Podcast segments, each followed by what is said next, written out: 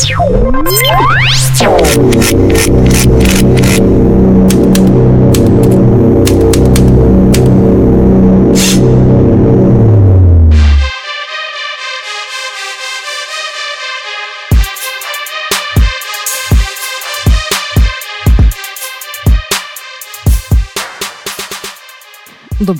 v 30. epizodi počrtu podcasta, z vami smo danes Lenard in Taja.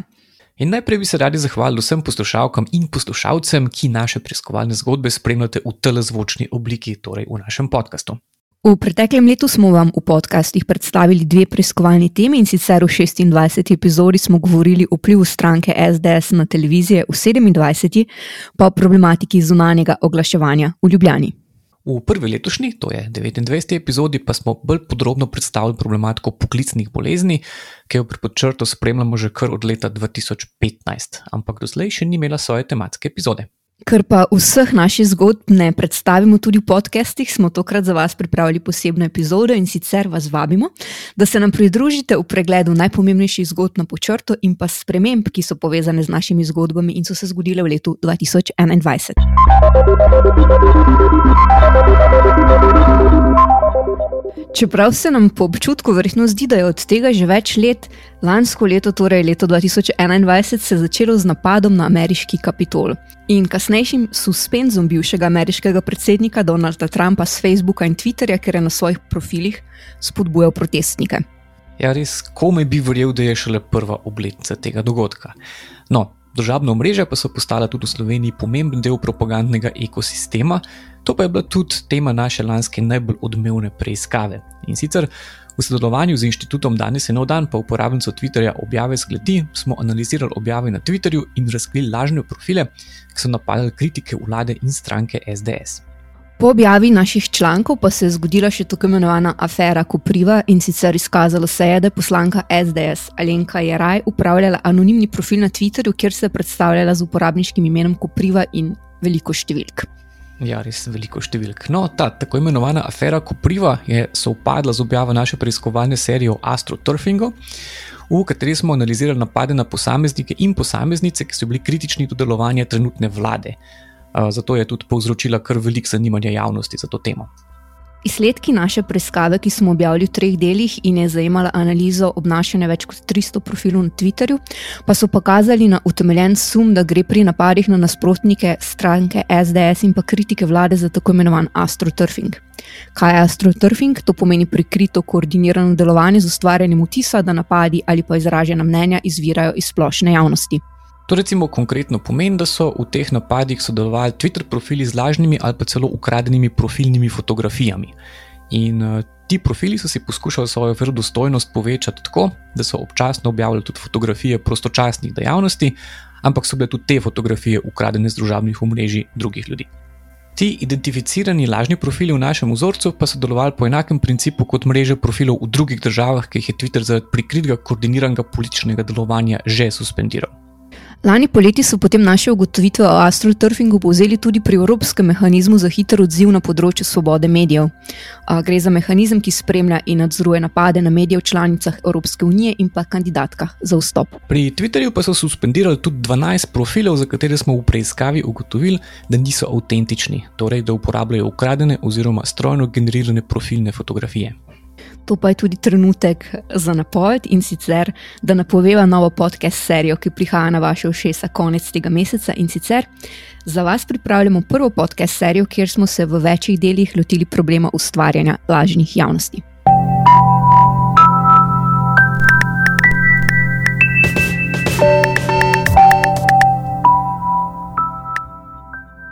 In sedaj od Twitterja k medijem. V lanskem letu se je v slovenskem medijskem prostoru zgodilo veliko sprememb, zaradi nekaterih pa je bila Slovenija večkrat podrobno gledal mednarodnih javnosti in institucij. Prva taka sprememba je bila zanimiva predvsem za domačo javnost. In sicer lani spomladi so novega večinskega lastnika dobile primorske novice. Ta primorski regionalni dnevnik so kupila tri podjetja, ki sodijo v medijski sistem Martina Odlaska. Zdaj ta medijski sistem ali pa kar hobotnico Martina Odlaska smo podrobno predstavili v naši 25. epizodi pod črto podcasta. Januarja lani je potekla tudi pogodba za upravljanje javne službe med Uradom vlade za komuniciranje in Slovensko tiskovno agencijo. In kot smo lahko vsi spremljali, Urad vlade Republike Slovenije za komuniciranje Slovenski tiskovni agenciji skoraj eno leto ni hotel plačevati upravljanja javne službe. Maja lani so zato pri Društvu novinarjev Slovenije skupaj še z nekaterimi drugimi organizacijami zagnali kampanjo, s katero so zbirali donacije za STA, da bi nadomestil izpad teh državnih sredstev. Novo pogodbo med Uradom vlade za komuniciranje in STA o upravljanju javne službe pa so podpisali šele novembra lani. In to potem, ko je odstopil tedajni direktor STA Bojan Veselinovič. Veselinoviča je predsednik vlade Janez Janša javno pozival k odstopu, zamenjal pa ga je nekdani generalni direktor RTV Slovenija Igor Kadunc. V lanskem letu se je spremenilo tudi vodstvo največjega javnega medija in sicer nacionalne radio-televizije. Generalni direktor je postal Andrej Grahvat Moh, ta je najprej imenoval novega vršilca dožnosti direktorja televizije, med prvimi uredniškimi menjavami pa je bilo tudi mesto urednika informativnega programa na televiziji. In zakaj je javna televizija tako pomembna za vladajočo politiko in stranko SDS? Predvsem zato, ker je v Sloveniji tradicionalna televizija ostala dominanten medij, ki doseže največje število voljivcev in ima potencialno največ vpliva tudi na javno mnenje. Lani spomladi smo objavili nov del naše preiskave o medijskem lastništvu, kjer smo se ukvarjali prav s tem vprašanjem. Analizirali smo več poskusov, s katerimi je hotela SDS že od leta 2004 prevzeti javne medije, torej nacionalno RTV in tiskovno agencijo STA. Ob tem pa so ustanovili tudi dva dodatna televizijska projekta in sicer v drugem mandatu so preko državnega telekoma Slovenije ustanovili Planet TV, ki ob ustanovitvi veljal za strankarski projekt SDS, na to pa leta 2015 še svojo lastno televizijo Nova 24 TV. V preiskavi smo ugotovili, da se je stranka SDS pri prevzemanju javnih medijev in ustanavljanju zasebnih televizij močno zgledovala po mačarskem medijskem modelu. Tudi mačarski premijer Viktor Orban je po letu 2010 najprej prevzel oba javna medija, torej javno radio, televizijo in tiskovno agencijo, potem pa je s pomočjo podjetnikov iz kroga njegove stranke Fides prevzel še velik del televizijskega trga. Mačari pa so svoj pliv razširili tudi v slovenski televizijski prostor in sicer podjetniki iz kroga Fidesa zdaj namreč finančno obvladujejo tudi televizijo Nova 24 TV in Planet TV. Če vas zanima več o tem, Vsekakor priporočamo našo 26. epizodo počrto podcasta, v kateri smo podrobno predstavili vpliv stranke SDS na televizijo. Problem pa niso samo mediji pod okriljem SDS. Lani smo namreč objavili tudi prispevek o novem primeru cenzure na časopisu Delo. Tam so uredniki naknadno posegli v članek novinarke Mojce Zabukovec o rušitvi ljubljanske tovarne Rog. Iz njega so brez vedenja avtorice umaknili več delov, ki so bili kritični do ravnanja ljubljanske občine in pa policistov. V članek pa so dodali tudi odstave, katerim so želeli upravičiti vlogo ljubljanske občine, ki je odredila rušenje. Naknadne posege urednikov v članek pa je kot kršitev novinarskega kodeksa prepoznalo tudi novinarsko častno razsodišče. To pa je bil hkrati še en oziroma nov primer delovanja delovih urednikov v prid ljubljanskemu županu Zoranu Jankoviču. Ker med našo preiskavo dnevnih časopisov smo pred dvema letoma razkrili več primerov, kako so na delo kaznovali novinarje, zato ker so kritično poročali o Jankoviču, pa tudi o nekaterih drugih vplivnih posameznikih. Kazni pa so bile recimo odzem dela plače ali pa bonitet. Delovanje največjih časopisov smo sicer preiskovali leta 2020. Kako lastniki vplivajo na vsebino največjih časopisov, pa smo predstavili tudi v 23. epizodi našega podcasta.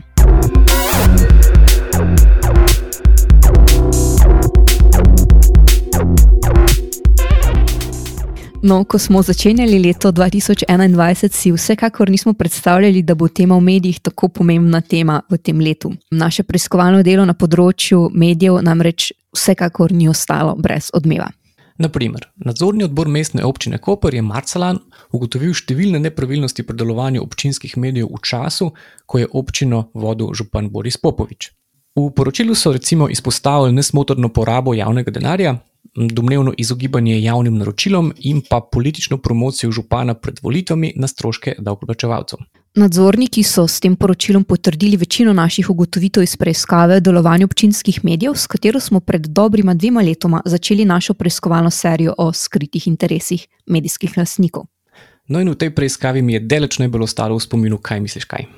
Veliko število fotografij Borisa Popoviča in Križanka. Ja, res je. V enem izmed teh občinskih časopismov smo šteli, na koliko fotografijah se je pojavil tedajni aktualni župan Boris Popovič in smo našteli več kot 40 takih fotografij. Pojavil pa se je tudi na zadnji strani v nagradni križanki kot nagradno geslo. Zloraba občinskih medijev za politično propagando pa je bila tudi tema 19. epizode po črtu podcasta, če želite vedeti več o tem. No, kot smo že povedali, so pri Evropskem mehanizmu za hiter odziv na področju svobode medijev povzeli naše ugotovitve o astroturfingu. V omenjenem poročilu pa so mednarodne novinarske organizacije opozorili tudi na nekatere druge probleme in sicer na poskuse stranke SDS pri podrejanju slovenskih medijev, na napade na novinarje prek družabnih omrežij in pa na problem lastništva medijev v Sloveniji. V poročilu so pri tem večkrat citirali prav preiskave o medijskem lastništvu, ki smo jih v zadnjih letih objavili na počrta. Naše preiskave pa navajajo tudi avtori lanskega poročila Evropske komisije o vladavini prava v Sloveniji. Komisija opozarja, da je lastništvo medijev v nekaterih primerjih netransparentno, zaradi česar je težko ugotoviti, kdo ima dejanski vpliv na poslovanje medija. Prav tako je netransparentno državno financiranje medijev, predvsem zakup glasov v državnih podjetjih v medijih. Avtori tega poročila pa so izpostavili tudi neučinkovit pregon korupcije pri nas. Ugotovili so, da slovenski pravosodni organi pregona v zadnjem letu niso uspešno zaključili niti enega izmed odmevnih primerov politične korupcije pri nas. Na neučinkovitost kazenskega pregona gospodarskega kriminala in korupcije v Sloveniji pri počrtu sicer opozarjamo že več let.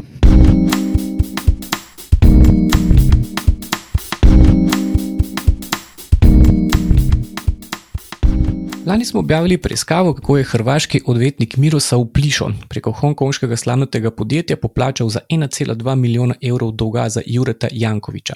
Jankovič je bil ta denar dolžan podjetniku Marjenu Pišljarju. Jure Jankovič je sicer sin ljubljanskega župana Zorana Jankoviča, ta pa je pleten v množico domnevno spornih poslov, ki smo jih podrobno preiskali pri počrtu. Ob tem pa smo tudi večkrat opozorili, da kazenski postopki proti Jankoviču potekajo zelo počasi. Novembra lani se je tako po več kot devetih letih od začetka hišnih preiskav začelo sojenje Zoranu Jankoviču in osmim so obtoženim v zvezi z gradnjo Ljubljanske večnamenske dvorane Stožice. Obtožnica obravnava domnevno sporno pogodbo med občino in podjetjem Greb za najem 2500 parkirnih mest okoli športnega parka Stožice. S tem naj bi podjetju Greb omogočili, da je izpolnjeval pogoje bank za pridobitev posojila v skupni vrednosti 87,9 milijona evrov. Ampak primer s parkirišči ni edini primer domnevnih nepravilnosti pri gradnji športne dvorane Stožce. Pred leti smo na podlagi naših preiskav objavili serijo člankov Sporni posli družine Jankovič. In pri počrtu smo med drugim preiskovali domnevno nepotreben nakup prostorov za hladilno strojnico v športnem parku Stožce, ki jih je od podjetja Greb kupilo javno podjetje Energetika Ljubljana. V začetku decembra lani je v zvezi s tem primerom potekal predobravnavni narok. O problemu okoli projekta Stožice je bilo rečeno že mnogo, o tem je bilo tudi kar, mno, kar veliko medijskega poročanja. Vendar pa se je zaradi dolgotrajnosti postopkov izgubila širša slika celotnega projekta. Zato vam priporočamo branje članka, ki smo ga na počrtu objavili 2018 in sicer vse o Stožicah, spornost in posledice kronskega Jankovičevega projekta, kjer smo povzeli, kaj vse je šlo pravzaprav narobe.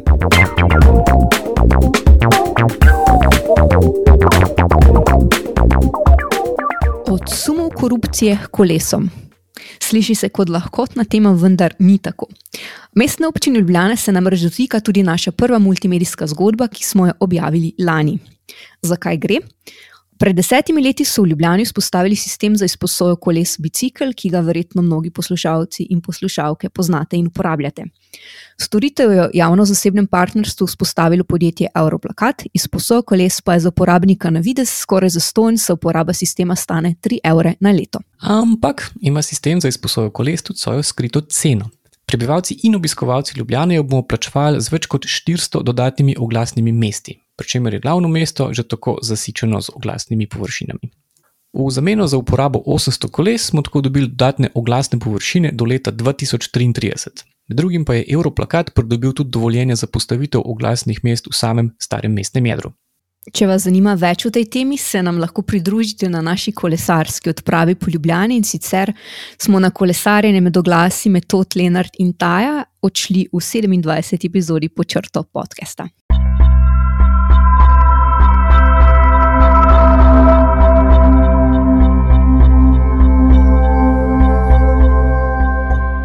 Lani pa smo nadaljevali tudi naše delo na področju nadzora nad delovanjem represivnih organov. In sicer spremljali smo primer Marina in objavili zadnji članek v seriji, v kateri smo preiskali delovanje najbolj zloglasnega bordela pri nas.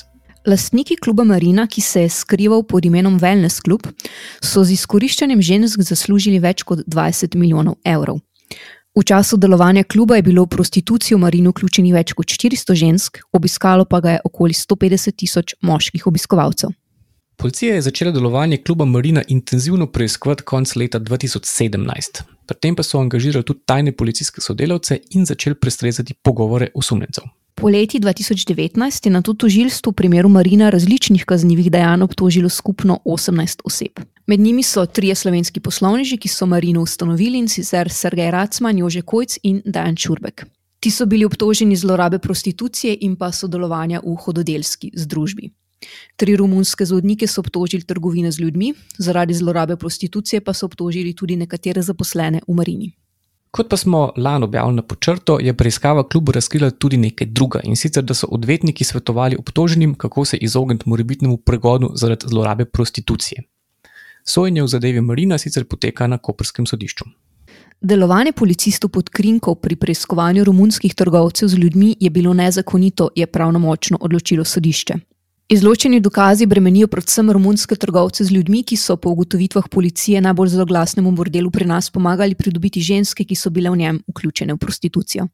To pomeni, da je sodišče izločilo dokaze zaradi nezakonitega delovanja policistov pri preiskovanju Marine. Januarja lani so zato na policiji odredili nadzor nad uporabo prikritih preiskovalnih ukrepov in v okviru tega nadzora preverjajo tudi primer Marina oziroma delo kriminalistov pod krinko v primeru Marina, zaradi česar je na sodišču padel primer proti romunskim zvodnikom. Nadzor še ni zaključen, so nam na naše vprašanje odgovorili z policije. Odločitev sodišča v primeru Marina tako sproža novo vprašanje o zakonitosti in pa učinkovitosti delovanja tako policije kot tudi tožilstva pri preiskovanju zapletenih oblik kriminala.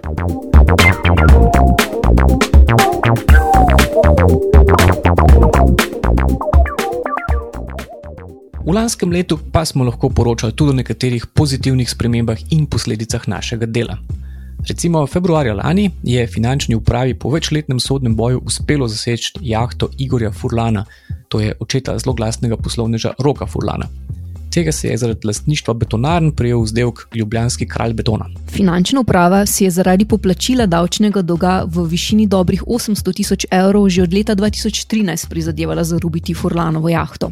O tem smo na počrtu pisali že leta 2017 v preiskovalni seriji Skrivnosti Roka Furlana. Nadaljevanje pa je dobila še ena izmed naših preteklih tem in sicer dokumenti, ki jih je lani jesen v javnost spravila žvižgačka Frances Haugen, so namreč razkrili, da so se pri Facebooku zavedali negativnega vpliva Instagrama na samo podobo najstnic. Predlani pa smo na počrtu v sodelovanju z organizacijama Algorithm Watch in EDJNet objavili preiskavo o Instagramovih algoritmih, ki spodbujajo objavo fotografij v kopalkah ali pa v spodnjem prilu.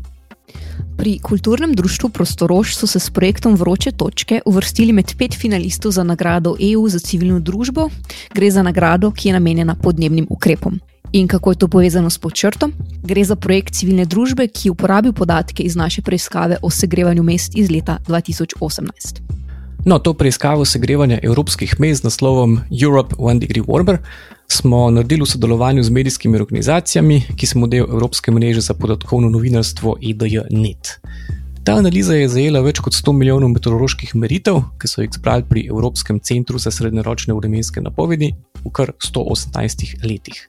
Analiza pa kaže, da so vsa večja evropska mesta v 21. stoletju toplejša kot so bila v 20. stoletju in sicer so se v povprečju segrela za eno stopinjo. Problematiko segrevanja vest pa smo bolj podrobno predstavili v 12. epizodi podcasta. Lani smo lahko v objavo po štirih letih končno vrnili tudi članke, ki smo jih morali umakniti. In sicer gre za članke o naši preiskavi o črnem fondu Sove. Januarja lani je namreč više sodišče v Ljubljani zavrnilo pritožbo Sove na sodbo okrožnega sodišča in ugodilo pritožbi Zavoda po črto. S tem nam je sodišče dovolilo ponovno objavo člankov o sporni porabi sredstev iz tako imenovanega črnega fonda Sove v času, ko je agencijo vodil Istok Podbregar. Ta celoten sodni postopek je trajal kar štiri leta. Začel se je kmalo potem, ko smo objavili članke o spornem delovanju istoka podbregarja na čelu Sove. V zahtevi za začasno odredbo je Sova zatrjevala, da smo objavili tajne podatke in pa da z objavo podatkom krnimo ugled obveščevalne agencije. Pri počrtu smo vse skozi nasprotovali tem trditvam Sove in našim argumentom je lani v celoti potrdilo više sodišče. Pri počrtu smo sicer že leta 2018 javno pozorili na spornost tožbe Sove proti podčrtu. Tožbo namreč razumemo kot nedopusten pritisk na novinarsko delo. Po štirih letih pa smo lahko tako ponovno objavili vse članke, ki smo jih morali na zahtevo sodišča iz objave umakniti poleti leta 2017. No, in na kaj pa smo kot počrto v letu 2021 še posebej ponosni? Zagotovo na naš sedmi rojstni dan.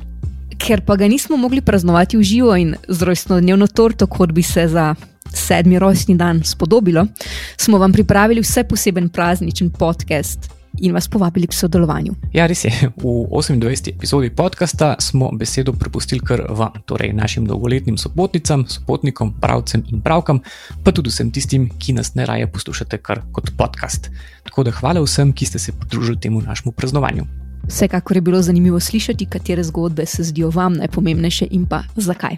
Z vašo pomočjo pa smo dosegli tudi velik menik v delovanju te organizacije in sicer Zbrali smo 200 tisoč evrov za delovanje po črtu 2021, tako da hvala še enkrat vsem, ki ste z donacijo pomagali doseči ta cilj.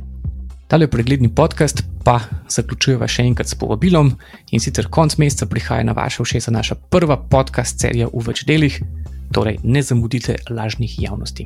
Upava, da vam je bil ta hiter pregled celotnega leta na počrtu všeč in da ste našli kakšno zanimivo priporočilo za nadaljne branje ali poslušanje. Da pa ne bi slučajno zamudili kakšne prihodne epizode, vam predlagamo, da se na naš podcast kar naročite in nas, vnaprej hvala, predlagate tudi kakšnim prijateljem ali znancem. V 30. epizodi počrtu podcasta smo bili z vami Leonard Kučič, Tato Polovec za zvok in našo zvočno podobo pa je tudi tokrat poskrbel Milan Fras.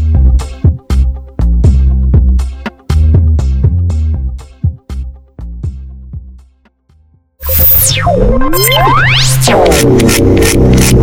go.